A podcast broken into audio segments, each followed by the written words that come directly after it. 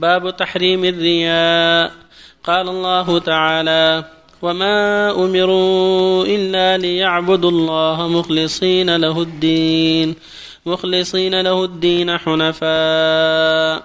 وقال تعالى لا تبطلوا صدقاتكم بالمن والأذى كالذي ينفق ماله رئاء الناس. وقال تعالى يراءون الناس ولا يذكرون الله إلا قليلا.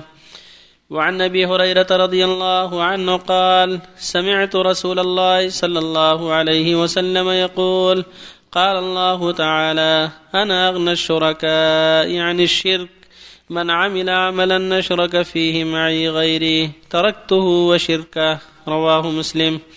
وعنه رضي الله عنه قال سمعت رسول الله صلى الله عليه وسلم يقول إن أول الناس يقضى يوم القيامة عليه رجل استشهد فأتي به فعرفه نعمته فعرفها قال فما عملت فيها؟ قال قاتلت فيك حتى استشهد قال كذبت. ولكنك قاتلت لأن يقال جري فقد قيل ثم أمر به فسحب على وجهه حتى ألقي في النار. ورجل تعلم العلم وعلمه وقرأ القرآن فأتي به فعرفه نعمه فعرفها. قال فما عملت فيها؟ قال تعلمت العلم وعلمته وقرأت فيك القرآن. قال كذبت ولكنك تعلمت ليقال عالم أو قرأت القرآن ليقال هو قارئ وقرأت القرآن ليقال هو قارئ فقد قيل ثم أمر به فسحب على وجهه حتى ألقي في النار. ورجل وسع الله عليه وأعطاه من أصناف المال فأتي به فعرفه نعمه فعرفها. قال فما عملت فيها؟ قال ما تركت من سبيل تحب أن ينفق فيها إلا أنفقت فيها لك.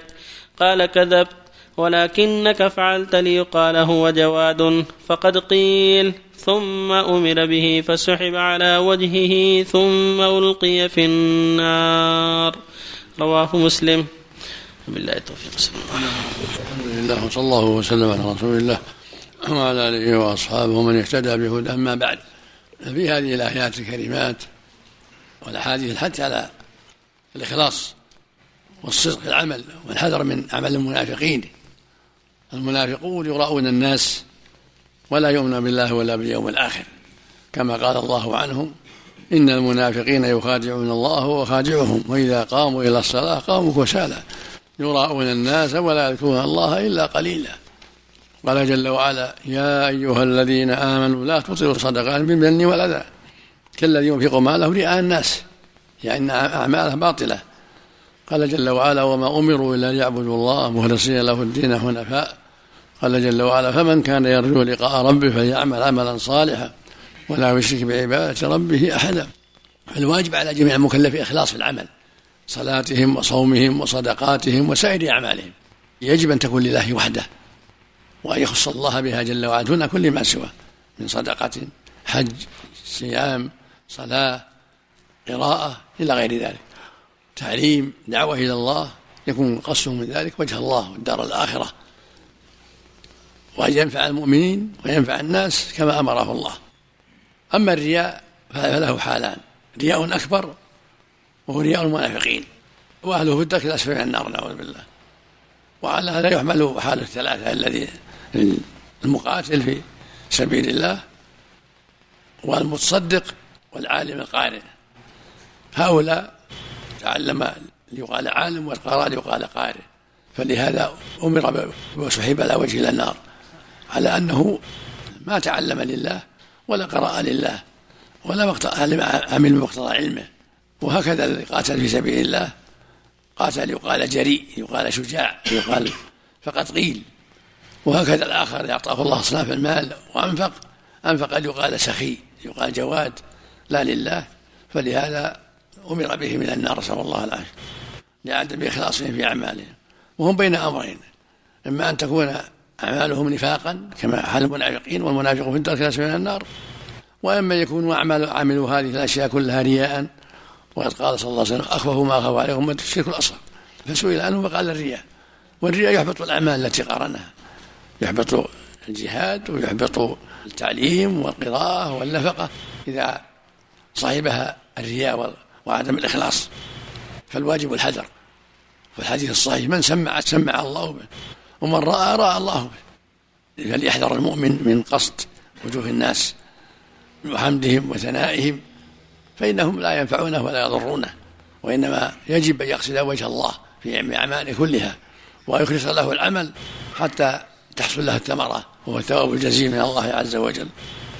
والمقصود من هذا كله أن يكون المؤمن في جميع أعماله له عناية له عناية وإقبال على الإخلاص والصدق وتحمل ما في ذلك لأن الإنسان قد يتعب في قصد الإخلاص ولكن يجاهد.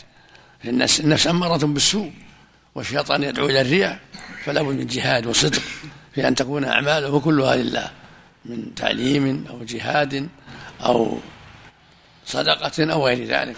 يقصد بها وجه الله عز وجل لا رياء ولا سمعة. نسأل الله للجميع التوفيق. الله سبحانه إذا عمل المسلم عمل يبتغي به وجه الله سبحانه وتعالى طرأ عليه الرياء بعد أن انتصف في العمل حتى نهاية العمل. إن كان في أثناء العمل أبطل العمل. إن كان بعد العمل لا يضره. كان بعد العمل بعد ما أخلصه لله مضى مضى في سبيله. يقول العمل كله الله يحسن عمل نعم. إذا طرأ عليه. إذا كان متصل مثل الصلاة وأشباهها مثل الصلاة الصحيح أنه يبطل العمل. صلى يرائي أو سجد يرائي أو ما أشبه ذلك. أما إذا كان يتقسم مثل القراءة فما صاحبها الرياء من القراءة بطل ثوابه.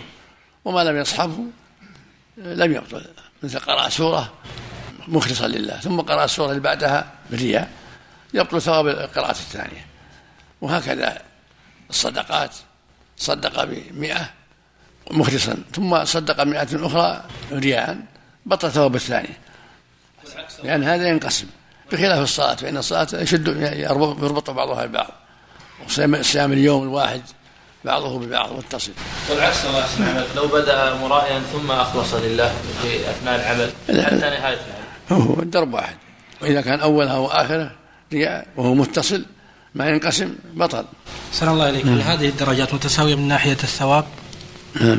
اللي هي القرآن والقراءة والقتال و... لا الثواب يختلف على حسب نية العبد وإخلاصه وصدقه.